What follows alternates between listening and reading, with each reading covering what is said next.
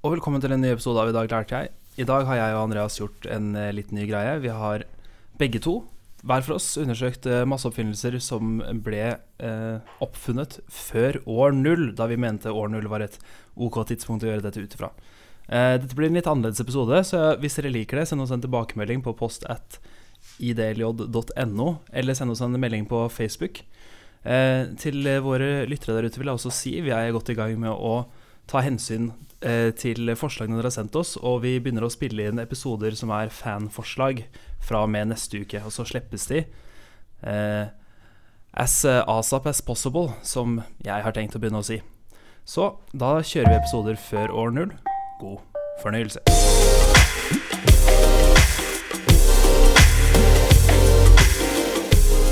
Hei, og velkommen til en ny episode av I dag lærte jeg. Vi heter eh, Andreas Lykke, og, Jeg heter Sindre.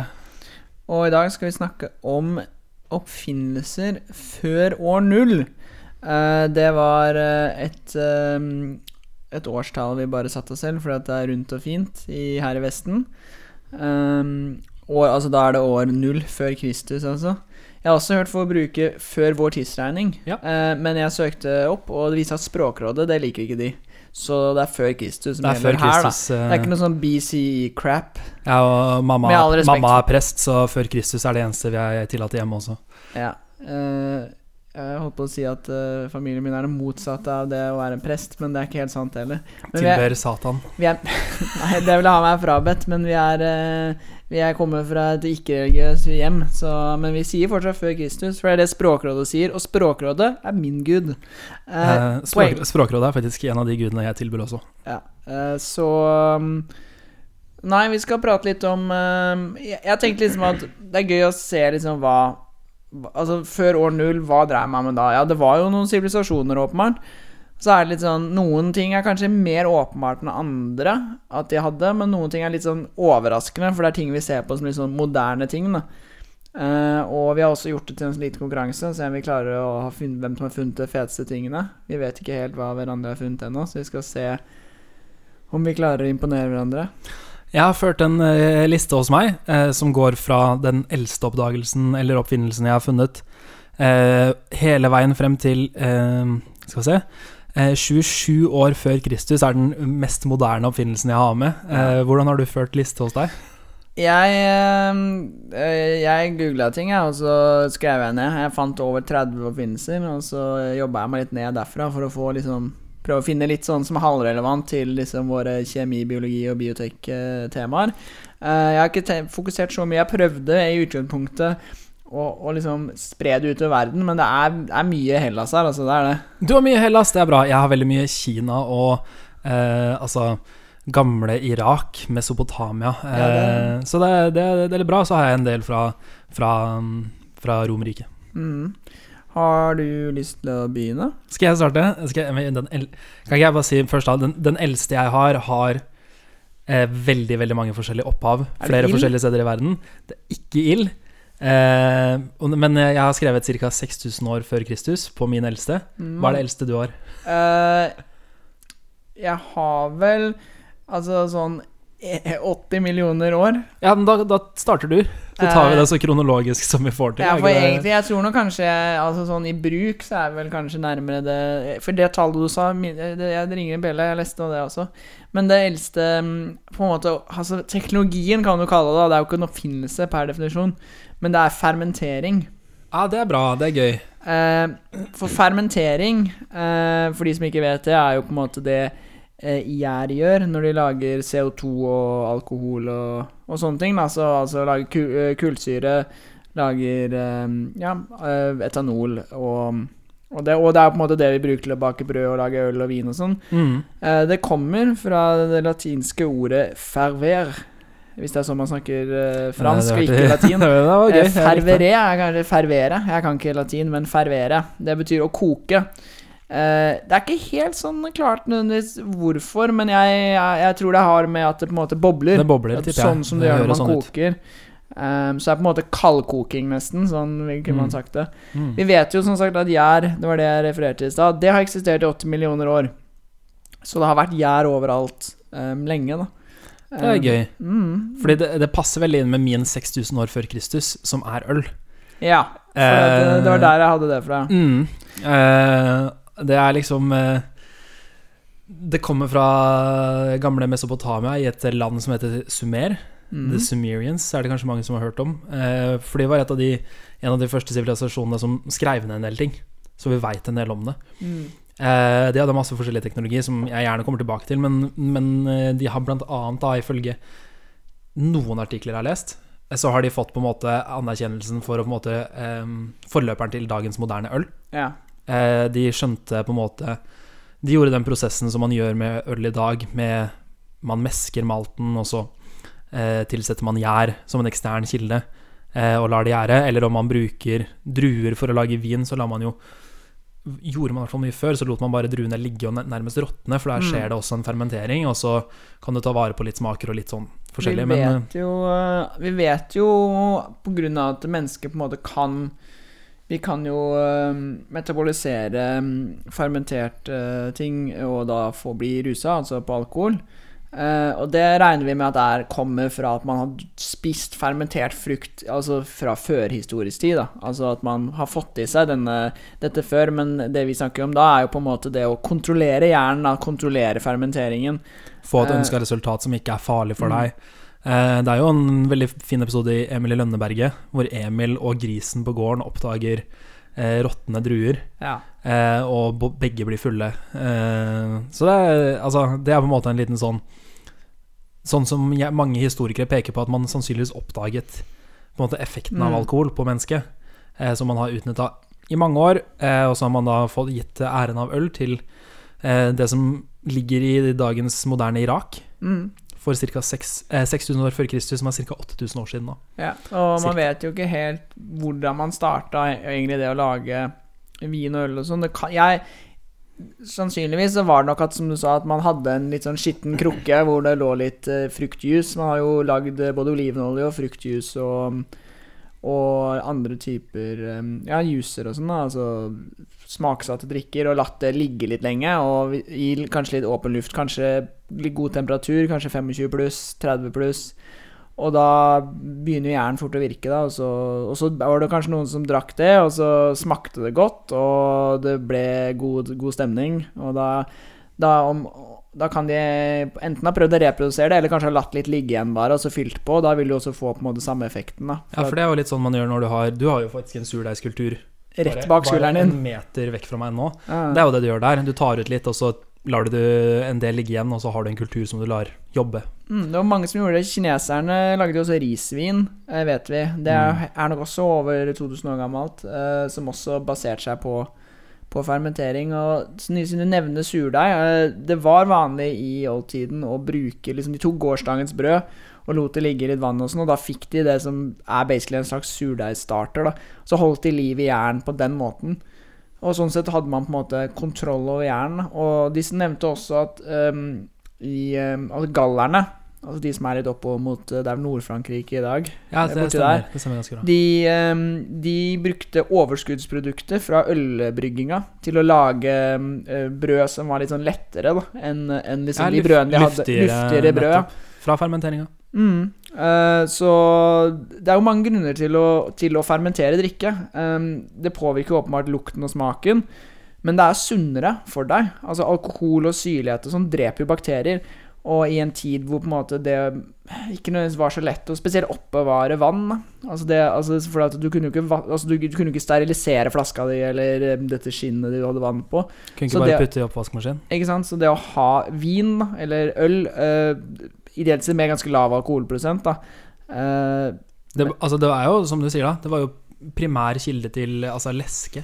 Ja. Altså Det var en trygg måte å få i seg væske på. Ja, det er ikke lenge Eh. siden at engelske skolebarn drakk eh, øl og ikke Altså alkoholholdig øl og ikke vann, fordi at eh, vann var så vanskelig å få tak i rent. da Og, og øl har alltid vært sett på som en litt tryggere kilde til Til Hva heter det? Til Til væske, da, Mm.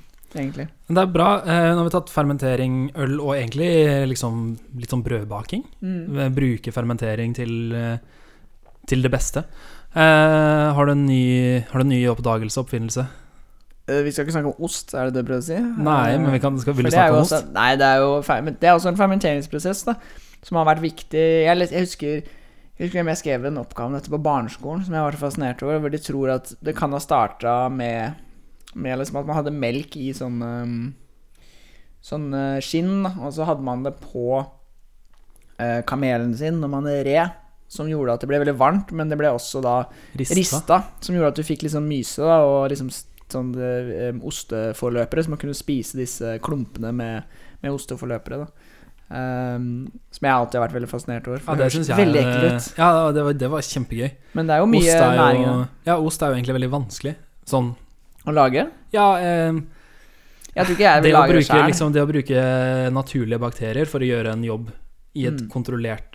eh, På en kontrollert måte, Mm. er jo ikke Det går jo ikke av seg sjøl. Ja, Vi har jo veldig streng temperaturkontroll. Det kan jo være viktig bare i Norge. Siden vi er eh, litt sånn vitenskapelig anlagte her i, i dag, lærte jeg, så kan det være greit å nevne at fermentering er jo ikke bare gjær. Altså Fermentering er jo um, melkesyrebakterier, typisk i ost. Og du fermenterer jo i kroppen din også. Det er jo den eh, ja, melkesyra da, som de snakker om når du løper for mye. Det er jo fordi at um, Altså kroppen din produserer melkesyre fordi at du bruker opp alt oksygenet i musklene. Mm. Så fermentering eh, vil Jeg tipper vi kan kjøre en hel episode om fermentering en gang. Ja, det er bare å følge med, folkens. Men kan ikke du gå videre? Ok, skal jeg ta det første jeg tenkte på? ja. Da jeg tenkte på skikkelig gamle oppfinnelser som har fått liksom credit, ære for å være en oppfinnelse. Hjulet. Jula er fint. Ja, Ca. 3500 år før Kristus. Det er så nytt, ja. ja. Så gammelt. så nytt, så gammelt, kall det hva du vil. Eh, Mm. mer enn 5000 år siden. Så har man funnet på en måte rester av, av um, hjul. Men de kan kanskje ha utnyttet runde ting før også? Det er vel kanskje ikke så mye naturlig Du, det man sannsynligvis kan ha gjort tidligere, det er å velte trær over ende, mm. og så bruke de som hjul, hvor du Ja. dytter ting Mm. oppå de. Og bruker til Eh, mølleting Ja, og sånn? altså, Knuse- ikke, mølleting. Knuse bær og sånn, Nei, kanskje? det kommer seinere. Ja. Senere. Men uh, å bruke det som til transport, noe usikkert. Stonehenge, hvordan flytta de de steinene? ja, det kan ha vært det, Kan Lafting, er det ikke det ha, ja, jeg lurer på om det heter det. Nei, det gjør det ikke. Men, Nei, eh, lafting det er noe annet. Men eh, det kan ha vært eh, Kan ha vært ved å rulle de på trær som var, hadde en rund stamme. Men vi vet ikke egentlig. Men, men hjulet for 3500 år siden ble brukt først og fremst eh, i eh, pottemaking. Ja. Eh, det å forme leire til lure Lure på en måte strukturer. Lage kopper, lage kar, lage tallerkener. Mm.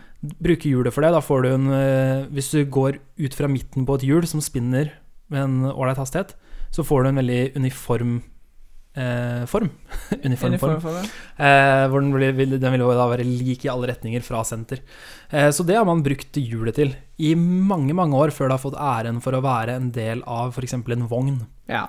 Eh, det kom flere tusen år seinere, faktisk. Den første vogna hvor man brukte hjul som man på en måte hogget ut av tre Mm. til å være en perfekt rund sak, som trillet. Ja, for man ser jo ofte i sånn um, Altså Hvis man, hvis man følger litt sånn, litt sånn eh, dårlig popkultur, som jeg er veldig glad i, sånn tegneserier og sånn, så er det ofte sånn um, steinalder um, steinhjul. Det er ikke en greie. Eller er det debunking time fra Sindre nå? Det er litt sånn Det er Ja.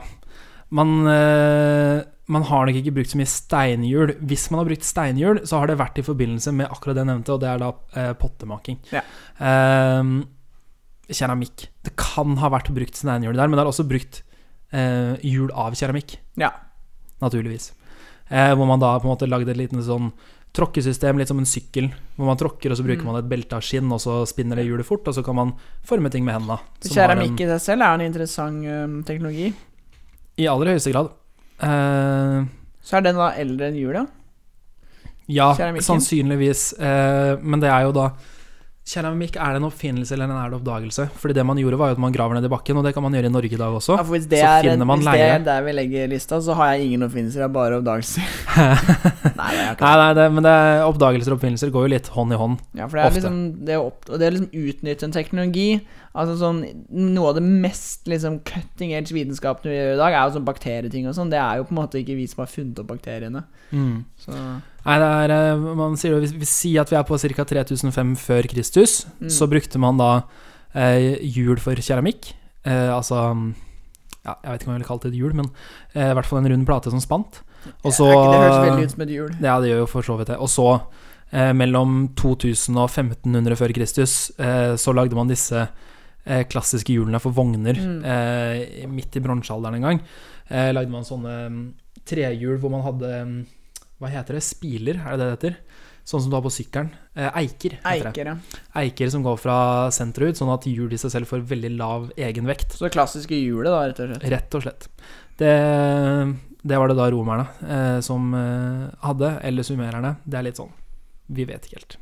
Ja. Vet ikke helt hvor det dukka opp. Mitt største forhold til er fra filmen Ben Hur, hvis du har sett den. Det har jeg. Hvor de kjører rundt på sånn um, En av tidenes dyreste filmer for øvrig. Men uh, dette er ikke filmpodkasten min. Andreas snakker tull om filmer han bare så vidt har sett for sånn ti år siden. Bare følg med, det kommer mer.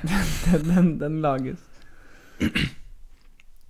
Nei, men nå har vi tatt julet. Julet er viktig å få med, for meg, i hvert fall. Uh, jeg har en annen som kommer på en måte litt sånn tett på, men det er noe helt annet. Vi burde jo nesten snakka om ild også. Jeg har Vi ikke tatt noen notater på ild. Men sånn, altså, mener, altså, ild er jo Ofte hvis man leser artiklene, så sier de ild er den første teknologien. Vi snakket jo litt om det i vår episode om karbon. Som kan ha kommet før denne episoden, eller kommer seinere. har Vi ikke ennå. funnet ut av det. Men i vår karbonepisode så diskuterer vi ilden ganske mye. Og altså det å kunne kontrollere ilden er jo på en måte litt sånn turning point, hvor vi liksom Vi går fra å være eh, på en måte et ja, hva skal du si dyr til en slags sivilisert sivilisert uh, dyr, da. Altså Det er da vi liksom virkelig begynner å Da, da vi får dreisen på, på mye da kan vi, Man kan gjøre mye så lenge Hvis man har ild, liksom. Sånn, det er jo samme dag i dag. Altså sånn, hvis du skal ut i, i villmarka, spesielt i Norge, eh, spesielt om vinteren Har du ild, så kommer du langt, da. Ja. Har du ikke ild, så kommer du ikke kommer langt. I hvert fall ikke hvis du ikke har moderne teknologi, da.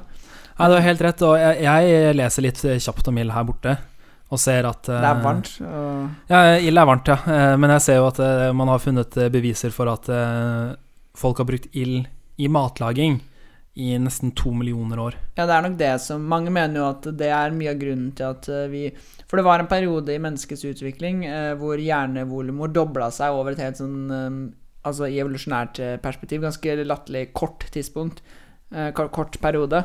Og mange Jeg har ikke, det har ikke kommet til meg ennå, men jeg venter. Jeg Nei, håper, det, håper det kommer Det snart. kommer. Men nei, man regna med at mye, mye av det En, en populær teori, det er sånn to, tre, fire teorier ute og går, men en populær teori er det at man klarte å Man klarte å mm, steke kjøtt, som gjorde at eh, man fikk utnytte kaloriene veldig godt. Og det også Det var også starten på det som ble eh, bosetninger, for da hadde man ildplasser og sånne ting, ikke sant.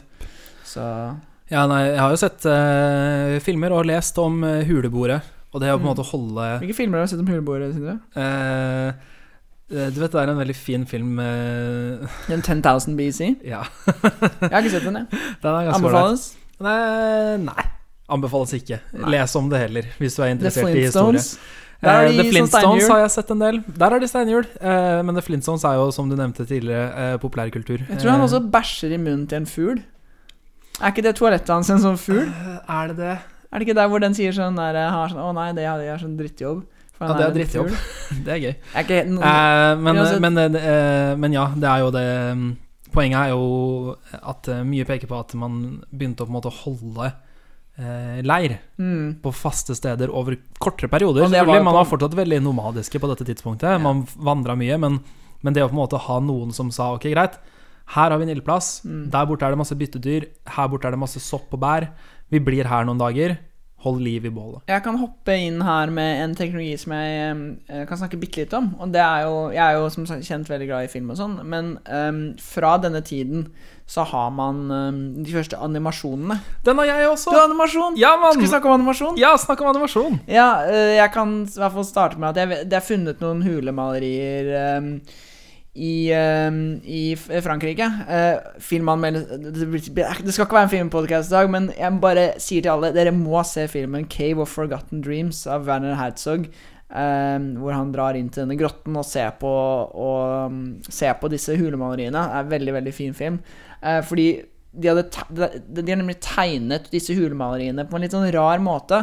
Det er liksom, litt sånn Strekene går litt sånn i hverandre, og det er på en måte Det, kan se nesten ut som noen har kladda, sånn som man gjør du vet, når du kladder en Ja, person, ja, så den og så skal jeg viske ut det som jeg ikke, Ikke vil ha med. Men det de tror, er at eh, hvis du hadde dette i kombinasjon med da flakkende ild, så fikk du en slags animasjonseffekt hvor det så ut som dyrene løp, da. Mm. Og det ble veldig sånn visuelt eh, fangende.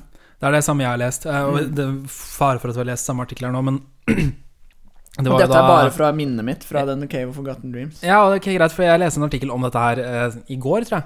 Eh, hvor jeg på en måte gjorde det klassiske man gjør for en sånn episode her. Jeg googla eh, 'Surprisingly Old Inventions'. Ja, det har jeg. Eh, og da fant jeg denne med animasjon hvor eh, man sannsynligvis da klarte å utnytte det at man hadde veldig mye flakkende lys Mm. rundt omkring i rommet. Brukte det i historiefortelling, brukte det i Altså, jeg ville kalt det på en måte forløperen til religion, da. Mm. En spirituell uh, greie hvor du på en måte vi er samla rundt et bål.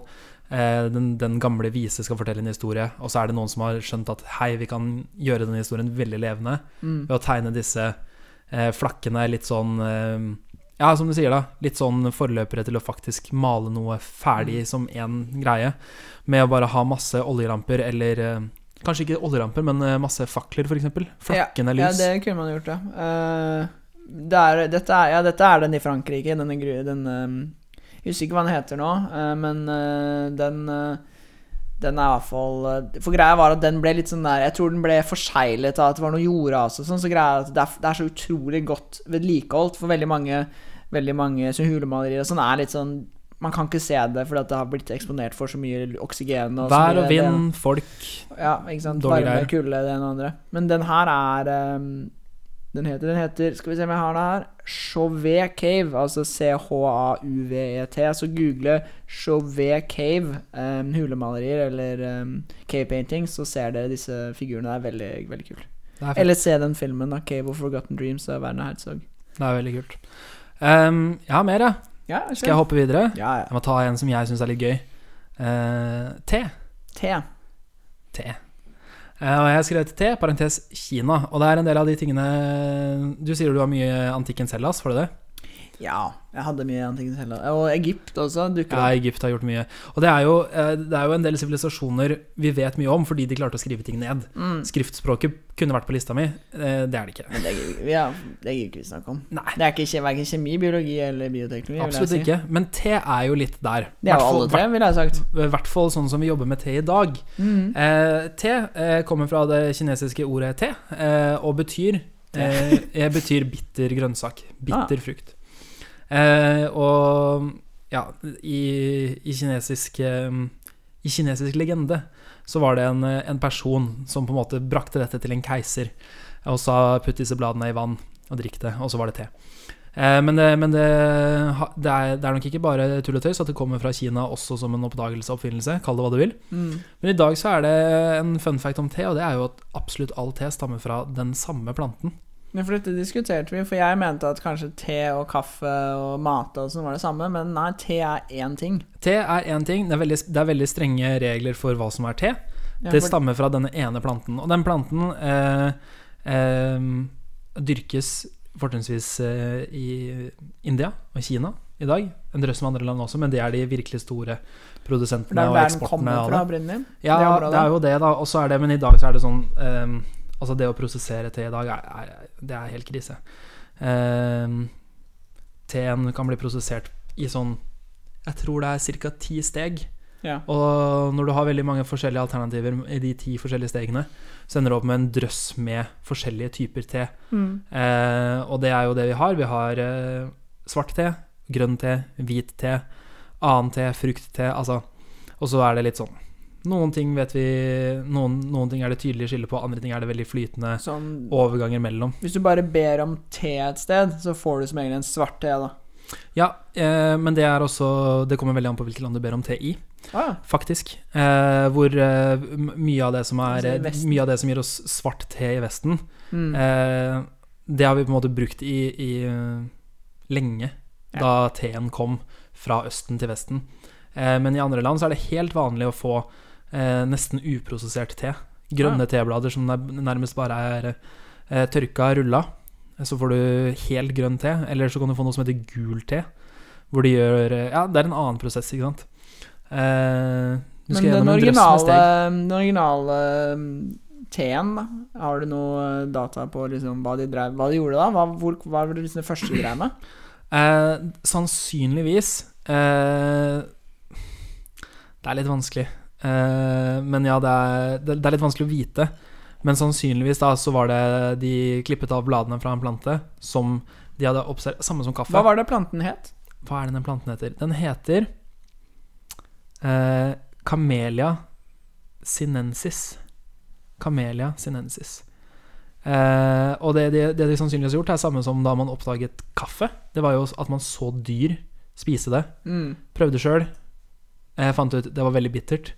Eh, og så, en eh, stund om siden, så klarte man å klippe av noen av disse bladene, putte det i vann og tenke Kanskje det er litt bittert å spise det rått, rent, men kanskje vi kan putte det i vann, koke det, se hva det blir da. Mm. Har du lyst til å gjette hva det norske navnet på Camellia sinensis er? Eh, Kamille. Tebusk. Tebusk. Det er, det er det vi driver med. Det er, det er, vi er språk, språkrådet, mann. Språkrådet Ja, veit hva de holder på med. De vet hva de holder på med. Nei, men, det, men det, er, det litt interessant. Er, te er te. Og det har eksistert i Skal vi se Cirka eh, 2700 år før Kristus. Så legg på 2000 Siden det ble beskrevet for første gang, i hvert fall. da Siden det ble beskrevet for første gang. Og sannsynligvis da er det, det er mange som peker på at det sannsynligvis ble drukket der første gang også. Ja. Fordi bit, den smaken som er bitter, har jo historisk sett blitt eh, vært veldig synonym med giftig. Mm. Så man har jo unngått bitter smak eh, i, i veldig mange kulturer. Ja, fordi um, svart te har koffein i seg. Eh, og koffein er jo en gift. Mm. Altså, og smaker bittert. Og smaker bittert. Så det er jo, det er jo veldig um, Det er jo sant, på en måte. Så det er jo giftig. Det er bare at giften gir oss en, um, en oppkvikkende um, effekt. I aller høyeste grad. Mm. Eh, jeg tror du må ta noe. Ja. Ja, eh, det er jo litt av, dette er jo også litt av grunnen til Jeg kan bare kjappe kjapt på te, dette er bare noe jeg kom på. At, uh, det, er jo litt av, det, det er jo litt av grunnen til at de um, Det tok veldig lang tid før de utvikla vinduer og sånn uh, ute i, i Asia. Altså, for vi har jo hatt vinduer og, og glass veldig lenge her. Men vi har Vi har nemlig vi, har- vi har operert med glass, mens de har operert med, med porselen. For det, de drakk te, og vi drakk vin. Eh, som jeg snakket om i stad, med rent vann etc. Så de Mm. kokte jo opp vann og tok i teblader.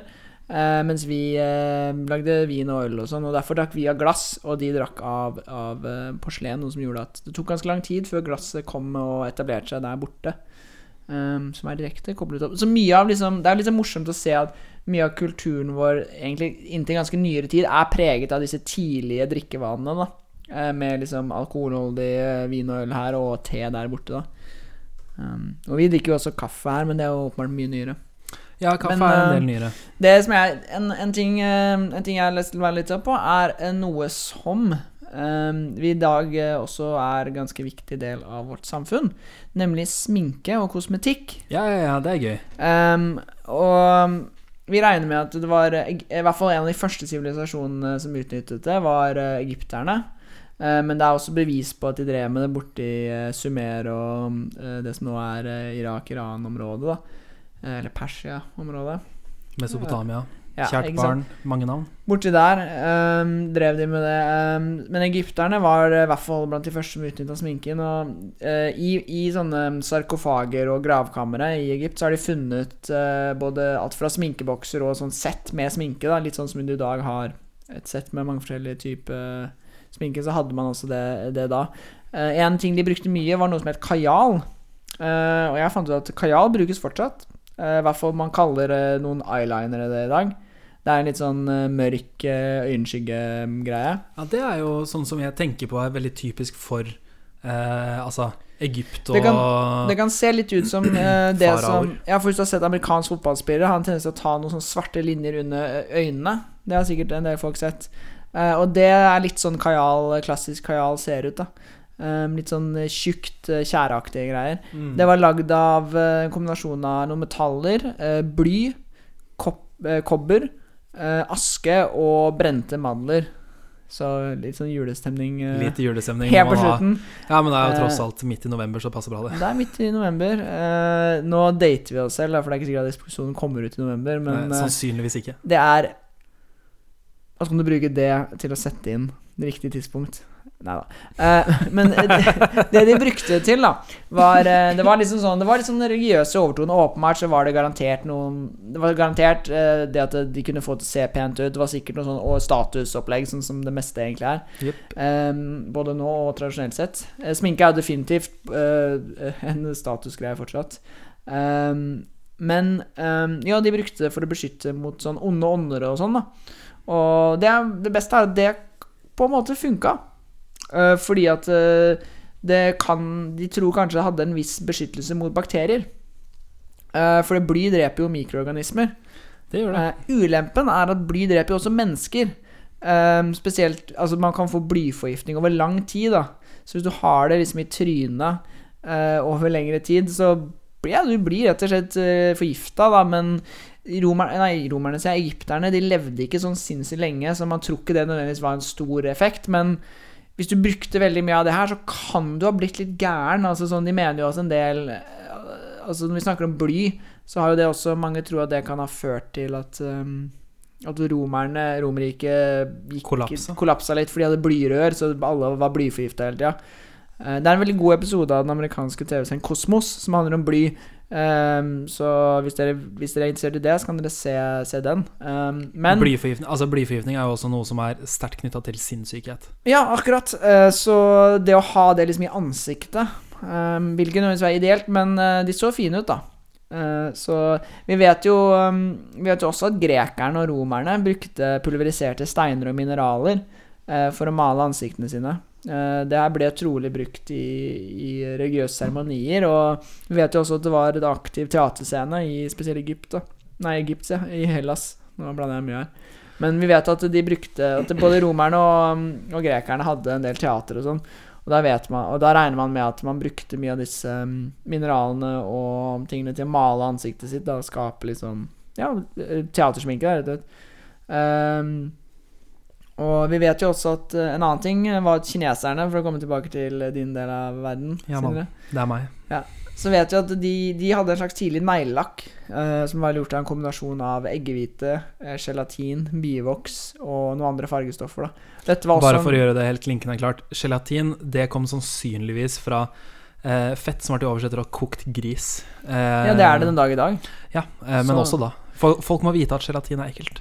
Nei, det er ikke ekkelt. Gelatin er bare et dyreprodukt. Det er, ja, ok. Så veganere spiser jo ikke det meste Det er derfor, det, man, det er derfor man har vegansk eh, godt Hvis du lurt på liksom Hvorfor har du vegansk smågodt? Det gir jo ikke mening. Det er ikke noe kjøtt i godteri. Jo, det er det. Gelatin er, eh, er et kjøttbasert produkt. Da. Ja. Du skal ikke spise gris. Det er, det er en referanse til raske menn. Eh, men også selvfølgelig en, eh, et lite stikk til eh, islam. Et stikk til islam? Er vi blitt en sånn podkast? Jeg håper Vi ikke det. Jeg hadde ikke tenkt at det skulle bli sånn i dag. Vi og jeg har allerede blitt en høyreekstreme. Ja, nei, skal vi ta et eh, Skal vi gå Eh, Kan vi gå til Sumer og Ja, snakke om hvor flinke de var der? Ja, der Neida, gjorde de mye eh, bra, ass. Men eh, nei, sminke og kosmetikk, bare for å liksom fullføre det litt, så var det Det, det er jo faktisk, som sagt, det er jo derfra, derfra det kommer. Det kommer fra, fra Midtøsten, fra Egypt, um, og og var en viktig del av deres kultur. da Og det er, det er mye Du ser jo som sagt den dag i dag um, du, Hvis du ser på bilder av um, Eller sånn um, statuer og sånn fra den tida, og hvordan de sminket seg, er ikke så ulikt hvordan man, hvordan man den dag i dag egentlig bruker øyensminke. da Jeg, så de var- jeg er helt enig. Altså, så det er noe som på en måte har blitt, eh, be- kommet tilbake Eller blitt importert hit i den vestlige verden da, i nyere tid. Absolutt. Eh, skal jeg ta en annen eh, gøy ting? Eller? For jeg, nå har vi snakka om en del eh, virkelig virkelig gamle ting. Mm. Nå begynner jeg å nærme meg litt mer Jeg holdt på å si moderne tid, men jeg, vi er fortsatt 1200 år før Kristus. Oh, ja. Da kom det opp For vi er, vi er tilbake der hvor jeg trives best, og det er jo selvfølgelig på kjemien. Mhm. Og det var da man har de tidligste nedskrevne bevisene for destillasjon. ja. Det er det å lage sprit. Ja, men her er det noe kjempegøy. Destillasjon ble jo også brukt veldig tidlig for å lage rent vann. Ja, sant. Eh, og det er litt gøy, men, eh, men tidlig bevis da viser at eh, At man på en måte beskrev hvordan man brukte destillasjon for å lage parfyme Mm. eh, ca. 1200 år før Kristus. Og det er jo på en måte litt inne på sminke og kosmetikk, dette også. Definitivt. Eh, hvor en del aromaer eh, fra f.eks. blomsterblader og sånn løses veldig godt opp i alkohol, men veldig dårlig opp i vann. Eh, så du kunne på en måte Og det å på en måte destillere alkohol ble jo, har selvsagt ført til det vi i dag kjenner som sprit.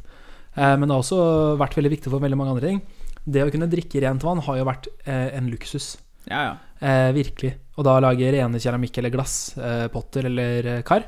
Eh, og kunne destillere eh, vann, altså myrvann, vann fra en Mm. innsjø. Fjerne sanda, fjerne tungmetaller, fjerne alle giftstoffene, fjerne alle avsmakene. Mm. Og få rent vann. Det har vært en luksus lenge. Eh, Den men dag ja, i dag, mange steder i verden. Eh, godt poeng. Veldig godt poeng. Eh, og det har jo blitt brukt og sannsynligvis oppdaget, eh, kall det oppfunnet, flere steder i verden samtidig. Ja. Men det har da blitt beskrevet eh, ca. 1200, 1200 år før Kristus. Eh, I antikkens Mesopotamia. Eh, så det er, det er litt gøy. Destillasjon er jo fortsatt noe jeg, bruker, jeg har brukt veldig mye på laben i forbindelse med masteroppgaven. Og det er jo, i dag så er det beskrevet som en teknikk for å skille fast stoff fra væske, eller væske fra væske. Mm.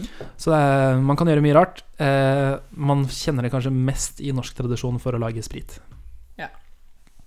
Uh, vi- mens vi er inne på dette med drikke og sånn, eh, så kan vi gå videre til noe jeg var veldig fascinert over, som var noe av det som var liksom idégrunnlaget mitt for, å, for dette temaet, var uh, kjøleskap. Eh, eller nedkjøling, da. Det er kjempegøy, fordi jeg har oppvarming som neste.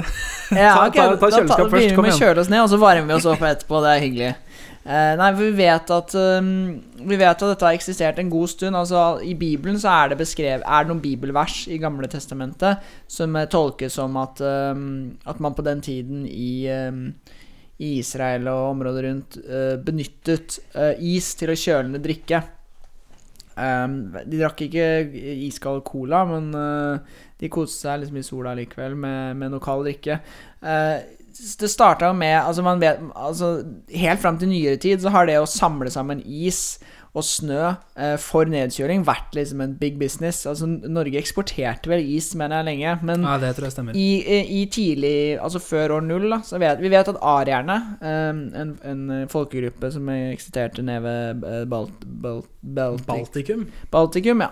Eh, De, de var, fylte kjellerne sine med is og brukte de som fryselager om sommeren. Eh, Og mange sivilisasjoner er kjent for akkurat det. De samla is om vinteren og lagra det for å ha rom hvor de kunne putte eh, mat, men som sagt også da eh, isbiter til f.eks. drikke, da, eller bare kjøle ned drikke. Mm. Eh, Egypterne kjølte ned vann eh, på en måte som jeg ikke helt forstår, men jeg likte liksom beskrivelsen. De kokte opp vann, og så helte de det kokende vannet i noen sånne eh, krukker eh, som de lot stå ute over natten. Det var åpenbart sikkert ganske kaldt i, om natta Det der. er jo kaldt på nettene der. Det er det. på taket av husene sine, og så fikk de slavene sine til å helle vann på utsida.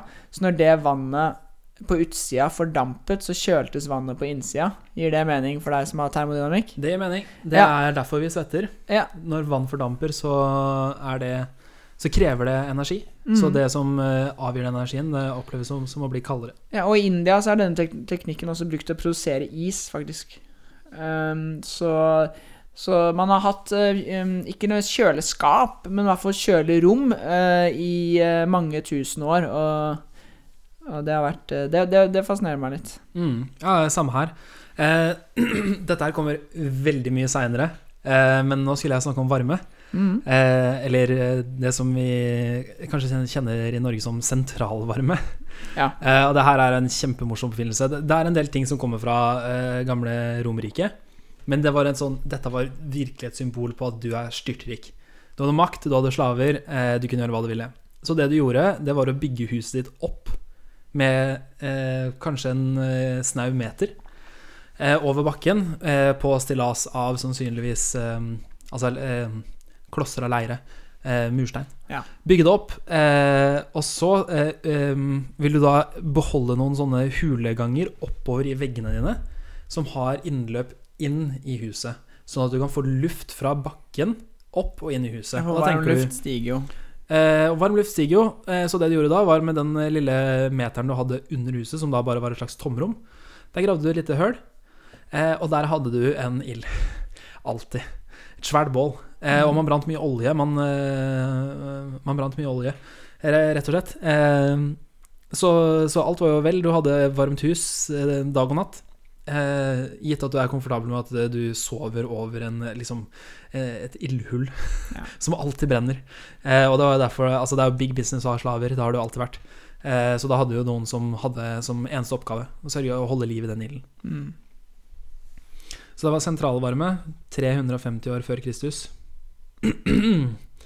eh, som jeg syns var superfascinerende. Det er jo Mm, det er- Sentralvarme er jo i dag en moderne ting. Ja, i det, kan, det vel i, i hvert Allerede i vikingtida så hadde vi jo sikkert hatt godt av det, men da brukte vi jo sånne ild, eh, ildsteder i stedet. Og det er jo på en måte En slags sentralvarme, men åpenbart mye mindre sofistikert, for da ser du jo bålet. Det var sikkert noe fancy med det at du på en måte ikke så hvor varmen kom fra. Jeg tror også det var, det var noe med at du, på en måte, du gikk inn i et hus som var Mm. varmt. Varmere enn utsiden. Uten at det var masse, brenn, altså masse ild der. Nettopp. Så det er spennende saker.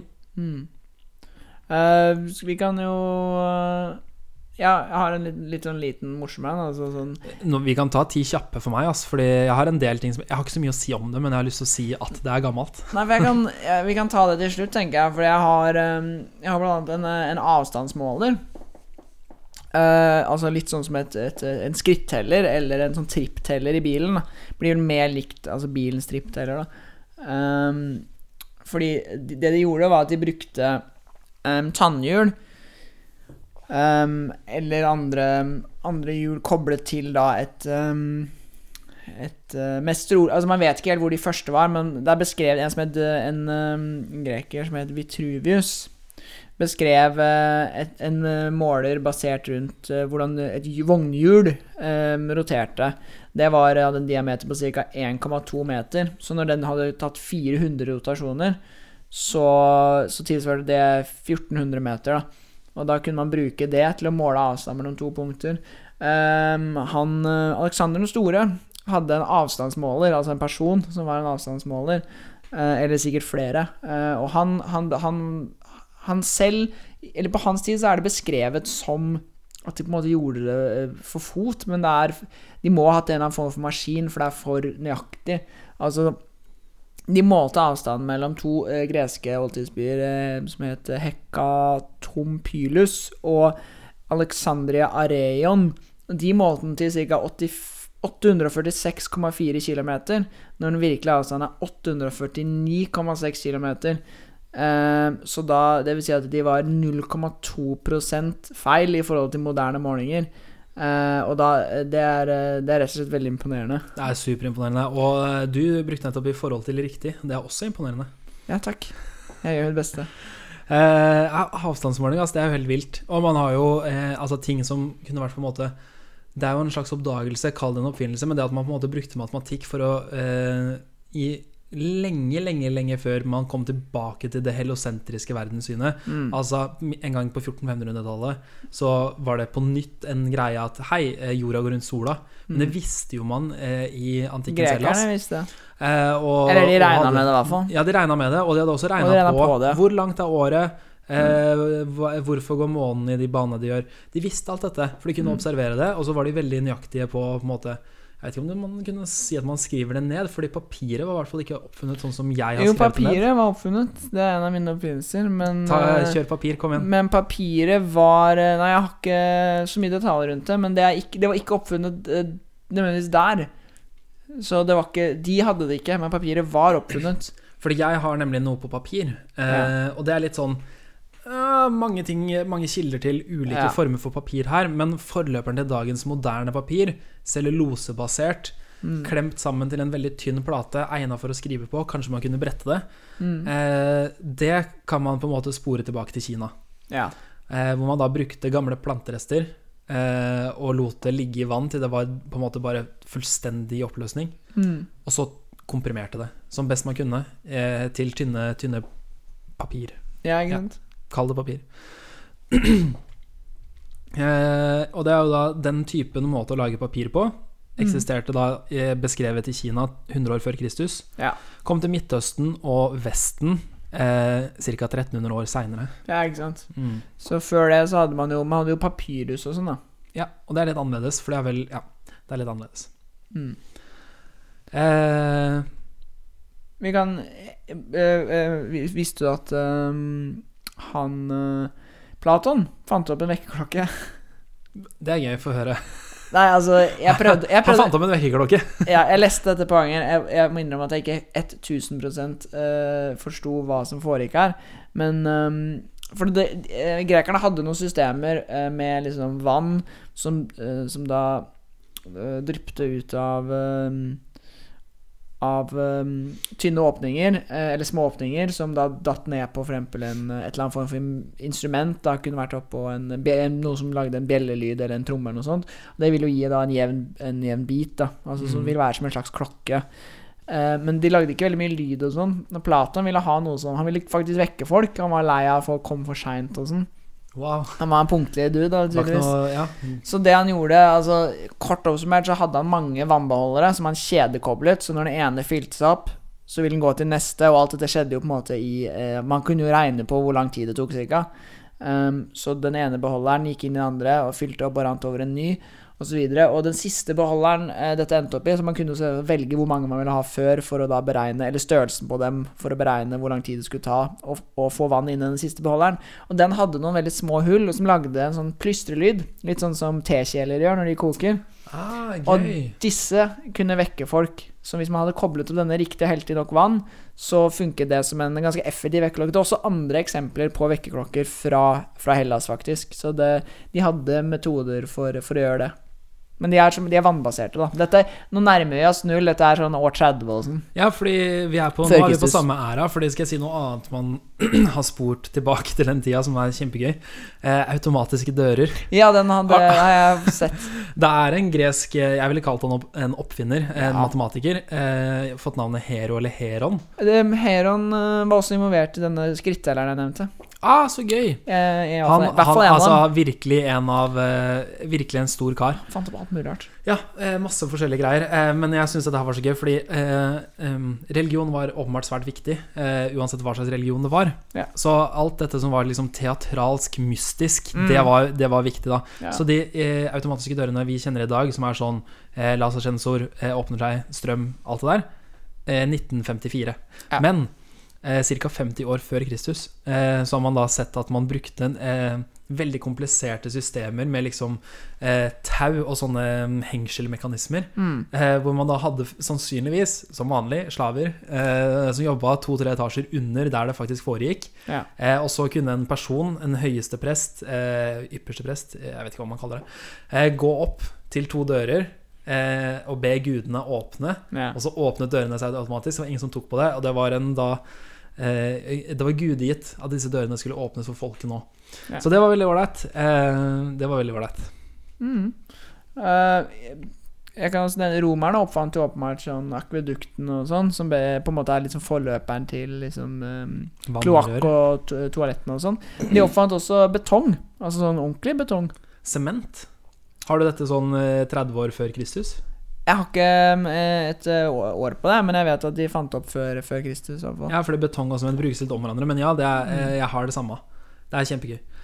Uh, vil du fortsette? Jeg begynner å gå tom for spesifikke ting, ja. Ja. Som jeg iallfall researcher skikkelig. Jeg må ta en annen ting på han derre Heron. Ja. Uh, den, altså, den, altså, jeg vet ikke hvordan man oversetter det til noe. En colaautomat. Hva ville du sagt det var en generell Altså en automat, eh, liksom? Ja, uh, hva kaller vi det? Vi kaller det vi, Altså, du tenker på det amerikanske engelske ordet vending machine. Vending machine, Men på norsk så kaller vi Jeg vet ikke hva vi kaller det. En, uh, en slags kjøpsautomat, kanskje? Ja, en automat, en dispenser. Mm. Kall det hva du vil. Eh, samme kisen, Heron, også i forbindelse med religion. Eh, det var, her var det da eh, Og det, det her er så kynisk. Og det er, jeg, jeg lukter liksom forløperen til eh, kristendommen her. Hvor man da selvfølgelig tok penger i betaling for å gi hellig vann ut. Ja. Eh, og det som skjedde, var jo litt det samme som du beskrev i stad, med at man hadde, liksom, man hadde klart å lage veldig små åpninger i keramikkrukker og sånn, Mm. sånn at vann rant i et kjent tempo. ja. Og det man gjorde da, var at man hadde en, en veldig finjustert vekt. Vekt kunne vært mer. Eh, Jeg kunne hatt med vekt, jeg har det ikke. Eh, vekt hvor du da putta, du putta da mynter inn høyt oppe, ja. eh, og så ville da den vekten av Vekten av myntene skifte en sånn gammeldags eh, vekt. Mm. Slippe ut litt vann, eh, en kjent mengde, som Ja. du kan drikke. Ta hendene dine bort til automaten, få Ja. litt hellig vann. Eh, og så vil da eh, den fortsette å falle ned. Eh, altså Vekten vil da fortsette å synke eh, som følge av at myntene er på den, og så vil de myntene falle av vekten når den treffer Ja. Altså treffer noe. Mm. Så vil myntene falle av. Den vil lukke seg igjen. Det kommer ikke mer hellig vann ut før du putter på mer penger. Nei, Det er jo genialt. det var en god idé. Eh, ja, nei, jeg har eh, si, Har du noe mer interessant? Ja, jeg har, jeg har en som jeg syns var supergøy. Ja, Eh, Jeg har batteriet. Eh, ja det, det første, om. det første batteriet, eh, Bagdad-batteriet. Bagdad-batteriet, eh, såkalt Ingen veit hva man brukte det til, men man veit at, at man fylte et batteri Unnskyld, fylte et batteri. Jeg må jo beskrive hva et batteri er. Ja, Eh, man klarte utnytte man klarte å utnytte et potensial eh, eh, i Et potensial, altså forskjellen i potensialet på kobber og jern. Hva er veldig Sindre? Eh, Spenningsforskjell? Evnen til å tiltrekke seg elektroner. Ja. Spenningsforskjell. Eh, man klarte å, å utnytte det supertidlig i et batteri 200 år før Kristus. Ingen veit hva man brukte det til. Må man ha brukt det til noe? Eh, veldig mye av det som man gjorde med tidlig strøm, var jo lek og fanteri. Også Ja. på moderne tidlige batterier. Mm. Eh, så det kan absolutt ha vært det. Eh, vi vet ikke. Eh, men jeg har også en veldig Men Kan du ikke forklare litt Har du noe om hvordan det er bygd opp, det batteriet? Hva, Ja, det, det- hva det besto av? Du har en, en eh, leirkrukke, Mm. og så i midten av den leirkrukken så har du en veldig tynn asfaltplate. Altså en, en plate som egentlig er basert på karbon. Ja. Eh, og så fylte eh, Og så gjennom hele greia da så har du et jernrør. Mm. Eh, og jern, det leder strøm. Ja. Så putter du da eh, kobber i den ene siden og fyller alt med eddik. Ja. Eddik, eddik er jo en syre. eddik er en syre. Syre og strøm er, er ganske mye eh, tettere kobla enn mange vet. Sånn som batterisyre. Eh, batterisyre. Der har du det. Eh, så eh, fylte man det opp, og da har man klart å måle eh, et potensial, en, en spenningsforskjell, på mm. hele to volt. Det er ganske mye. Moderne dobla batterier som du har i lommelykta di, er 1,5 volt. Ja. Så, så på en måte Hvis vi snakker om standarden på batterier, så var vi, var vi ganske nærme det vi bruker i dag. Mm. Men det var jo ganske svært, da. Det var ganske svært. Men Det var ikke sånn gigasvært. Nei, det var, jeg tror det ville vært på størrelse med To en pepperkakeboks-aktig. Som, Eh, ganske lite. som en pepperkakeboks. Ja, ganske Så lite. lite. Ja, eh, vi ser på en eh, til høyre for oss nå, faktisk. Ja. eh, kanskje to-tre liter. Eh, og det, hensikten med å ha det så lite, var jo at eh, når du bruker kobber og eddik på den måten, Mm. så bruker du det opp. Ja, ikke sant. Så det er ikke, det er ikke et batteri du kan lade, det er et batteri du bruker ut. Eh, men ja, det er Bagdad-batteriet. Oppdaget i 1938. Eh, karbondatert, som vi har snakka om i en annen episode, til eh, 200 år før Kristus. Ganske, mm, ganske spennende. Og, det, og dette å på en måte kunne skille eh, protoner Altså sy syrer kalles syre fordi de har anledning til å gi fra seg protoner. Mm. Hydrogen, Altså at, eh, hydrogenkjerner. Mm. Eh, det å kunne skille protoner og elektroner som to separate, en pluss- og en minusladning. Mm. Det å kunne høste den strømmen, det er jo det, er jo det batterier er. Ja, vi kommer jo til å Vi kommer garantert til å ta minst én episode om batterier. Ja, definitivt. Det er, Det er jo din- din batteriteknologi er in. Batterier er din bakterier, mye. altså i forhold til meg. Ja, det er helt riktig. Ditt forhold til Um, batterier er som mitt forhold til bakterier. så. Men det har blitt, og, og med dette Bagdad-batteriet det har blitt stilt så mange spørsmål. Ingen veit hva man bruker det til. Dette Hva, er sånn, hva eh, sånn History Channel-gull. Ja, det er faktisk. Eh, skal, jeg ta, skal jeg ta en gøy ting som, som er eh, beskrevet i bruk 100 år før Kristus? Dusjen. Ja, den er jeg også. Jeg, har skrevet dusjen? spørsmålstegn. Dusjen spørsmålstegn, det ville jeg kalt det også. Eh, fordi jeg vet ikke hva du ville kalt det. Jeg ville nesten kalt det et glory hole eh, med beste intensjon. Eh, vi kommer tilbake til det i en annen episode. Vi skal ha en spesial om det. Eh, se, se for deg at du eier masse slaver og har eh, rikelig med vann. Eh, så borer du bare et høl i veggen, eh, sånn at du kan stå og dusje naken på den ene siden av veggen, mens en slave står og heller vann inn fra den andre. Mm. Det var liksom forløperen til den moderne dusjen. Mm. Eh, beskrevet ca. 100 år før Kristus, og også en av disse oppfinnelsene, oppdagelsene, som, som sannsynligvis oppsto flere steder i verden samtidig. Da slavehold ble en eh, noe mange holdt på med. Så brukte man jo, måtte man jo finne på noe disse slavene kunne finne på. og Det å være ren har jo vært, et status, eh, vært en statusgreie lenge, på samme måte som sminke. Mm. Det å være ren, det å være sminket, det var noe ingen kunne oppnå hvis ikke du var rik. Du måtte eie noen som kunne vaske deg, basically. Så det er ganske gøy. Eh, andre oppdagelser, eh, oppfinnelser som vi ikke har kommet inn på. Kompasset. Kompasset, ja, men det er jo en av de, en av de store. Ca. 200 år før Kristus eh, har jeg skrevet det. Eh, det ble da brukt til navigasjon eh, omtrent 1000 år seinere. Ja. Eh, men interessant. Og, og ved på en måte å finne opp kompasset, så har man også oppdaget magnetisme. Ja. Eh, som er litt, eh, det er litt spennende. Og Nordpolen. Og Nordpolen. Eh, vannmøllen ble brukt som til mølling av korn eh, første gang eh, før år null. 50 år før år null. Tannhjul generelt. Tannhjul og systemer der du bruker på en måte naturlig energi. da. Vi bruker Ja. jo vannkraft i dag for å lage elektrisitet. Mm. Det å bruke vannkraft for mølling har man jo gjort lenge. Man har brukt vindkraft for mølling. Det er samme prinsippet. Eh, litt mer motstand i vann eh, enn i luft.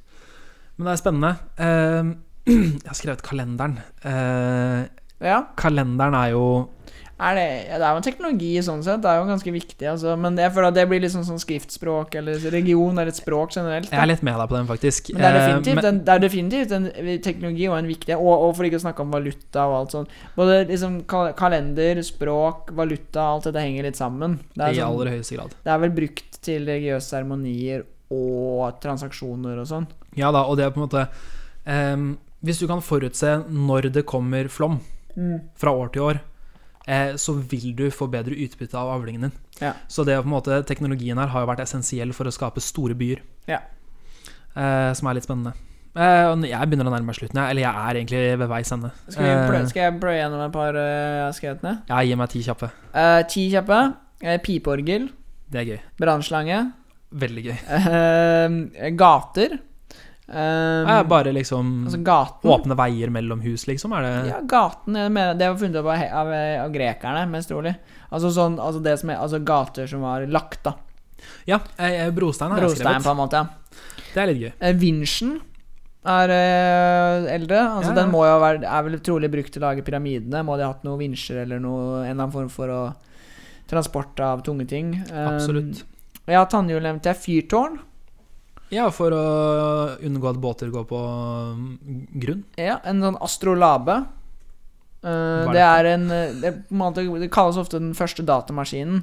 Det ble brukt Jeg tror det, jeg, jeg men, det var en slags navigasjonsting. Det ble brukt til å forutse hvor stjernene var Eller brukt til å måle hvor stjernene var, da. Altså det ble brukt til å måle uh, litt sånn uh, lengde, breddegrad på hvor eh, på hvor, eh, Ja, hvor, så- hvor stjernene var på himmelen, er, hvor, er, hvor er du på jorda i forhold til hvor stjernene er på himmelen? aktig? Ja, og det sier jo mye. Og årstiden og sånn. Mm.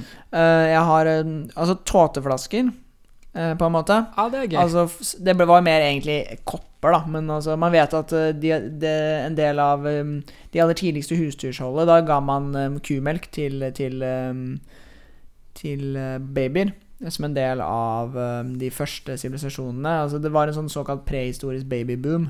Uh, og da, det, det, da kan man se at det, man har funnet sånne med sånne søte tegninger av dyr på. Så det er liksom sånn, litt sånn som i dag. Litt sånn søte farga tegninger av dyr um, som det har vært melk i. da, Kumelk. Um, ja, salt i maten. Uh, Boomerangen er um, kanskje Den er da Jeg har skrevet 18 000 år før Kristus. Å, fytti. Ja, da, eh, folk har brukt verktøy lenge, ass. Um, Bumerangen er jo eh, et verktøy for jakt Ja. eh, fra Australia, hvis ikke jeg tar helt feil. Det tror jeg ikke det gjør. Eh, fløyten. Ja, det, eh, den er fortsatt til overs her i verden, spør du meg. Ja. Veving er Ja, jo det er superviktig. Ja. Jeg litt Jeg vurderte å ta på en måte bomull. Ja. Og bruke bomull til noe vettugt. Mm. Eh, men ja, veving er jo det å på en måte bruke klær som ikke bare er nagla eh, dyrerester, dyreskinn. Det var jo en viktig utvikling. Mm, Og kulerammen, åpenbart. Abakussen, Abakussen. ja, den er fin. Det er jo da eh, altså fortidens kalkulator, rett på og mange slett. måter. Eh, Eh, og ja, demningen. Demninger, det er gøy. Det hadde romerne. Tror du at det var samme som med kaffe, at du observerte beverne gjøre det og tenkte shit, det var lurt, det vil jeg gjøre også? Ja, beverne demma først, ja. Ja. Uh, de... Hvem demma først, beveren eller mennesket? Det er høna og egget. Bortsett fra at vi kanskje veit svaret. Ja, altså, vi vet den Altså, jeg tror ikke beverne så oss og lærte av oss, for å si det sånn. Tror du det, det Eller er du to, veit jo to bevere så noen folk velte I rom, noen romere og vært sånn Det der er en god god Det var dødssmart, det skal vi gjøre også. Ja. Vi kan fange all fisken på den ene siden. Det fins jo aper kan se på mennesker og lære, men jeg tror bevere dessverre ikke kan det. Men om vi så en bever gjøre det, eller om vi bare skjønte at hvis vi blokker elva, så får vi mer kontroll over den Det skal vi ikke si. Altså, jeg vet ikke Vi Jeg tror hvor lagde, det var. vi lagde demninger i barnehagen. Der, der, mm. Når det er regna i sandkassa vår, så lagde vi jo masse demninger. Så det er jo på en måte Jeg føler at det også er en slags eh, Det er ikke instinkt, men det, om å fange vann. er, men det er jo intuitivt. Ja, men altså, det var jo faktisk eh, Vi er jo dratt mot ild og vann, eh, mennesker. Ja. Uh, unektelig. I hvert fall barn. Uh, det er jo derfor man må passe på ungene sine. Det, Så kanskje vi skal slutte med det. Pass på ungene deres, folkens. Eh, Hold dem unna ild og vann. Ja, eh, og så er det noe med brent barn skyr ild. Men vått barn skyr ikke vannet. Det har jeg aldri hørt før. Nei, men altså, hvis du nesten drukner, så skyr Ja, det er sant. det er sant Det er jo Vannskrekk er jo en greie. Så kanskje det er nye. Vått barn skyr vannet. Og med disse ord så tenker jeg vi skal avslutte denne podkastepisoden. Jeg, I hvert fall denne delen. jeg har huka hele lista mi. Sykt mye gøy eh, som er funnet opp før år null. Det er sikkert mye mer òg. Eh, sannsynligvis. Eh, men jeg er litt sånn En annen dag så må vi jo ta Vi kunne jo tatt 100-årsperioder fra år null. Fordi nå begynner folk å skrive ned det de gjør. Ja. Eh, så her begynner historien å bli mye mer konkret på når ting faktisk ble oppfunnet. ja, da har man nesten året. Ja, og det, det er jeg interessert i å gjøre en annen dag, for dette her har vært gøy. Ja, det er det. Jeg tenker Vi må jo ta igjen Altså Dette var på en måte Jeg likte Eller vi var, holdt oss i hvert fall delvis til liksom ting som var litt sånn kjemi, biologi, biotek-relatert. Men vi ehm, Vi kan Vi skal nok ha noen, his, noen historieleksjoner på, på, liksom rett og slett hvordan kjemien utvikla seg også.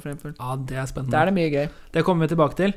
Eh, vi, er, vi, har, vi har bikka en time, vi, så jeg tror vi skal runde av eh, episoden her. Det Eh, dette har vært en veldig interessant episode for meg, fordi vi har gjort research ikke sammen, men eh, hver for oss. Mm. Eh, og vi har kommet fram til mye gøy. Eh, så fortsett å høre på I dag lærte jeg for mer gøy. Hva lærte du i dag, Sindre? Oh, hva var det gøyeste jeg lærte i dag? I, i, I researchen min så eh, har jeg også funnet ut at man faktisk eh, gjorde eh, hjernekirurgi 700 år før Kristus. Ja. Hvor man har oppdaget Du sier hjernekirurgi, Jeg sier det. Eh, det men var det på et levende menneske, trolig? eh, Ja, det er Ja. det som er så gøy. Eh, fordi de har- Lobotomi, liksom? Lo- Ja, lobotomi, liksom. Fordi man ser da at man har funnet to hull eh, i eh, panna, Mm. altså eh, foran frontallappen, eh, som, man, eh, som man helt tydelig kan se at har grodd. Ja. Så det er litt spennende. Eh, og så syns jeg også det var eh, supergøy eh, at eh, man dusja. Eh, sånn, Ja. jeg har lyst til å dusje i mitt eget rom. Kan du være sånn og helle litt vann på meg, men ikke se på? Ja. Det syns jeg er gøy. Ja. Uh, hva er det gøyeste du har lært i dag? At uh, beveren lærte, lærte seg å bygge demninger når de så på romerne. Ok, Uh, da vil jeg bare si ha det bra!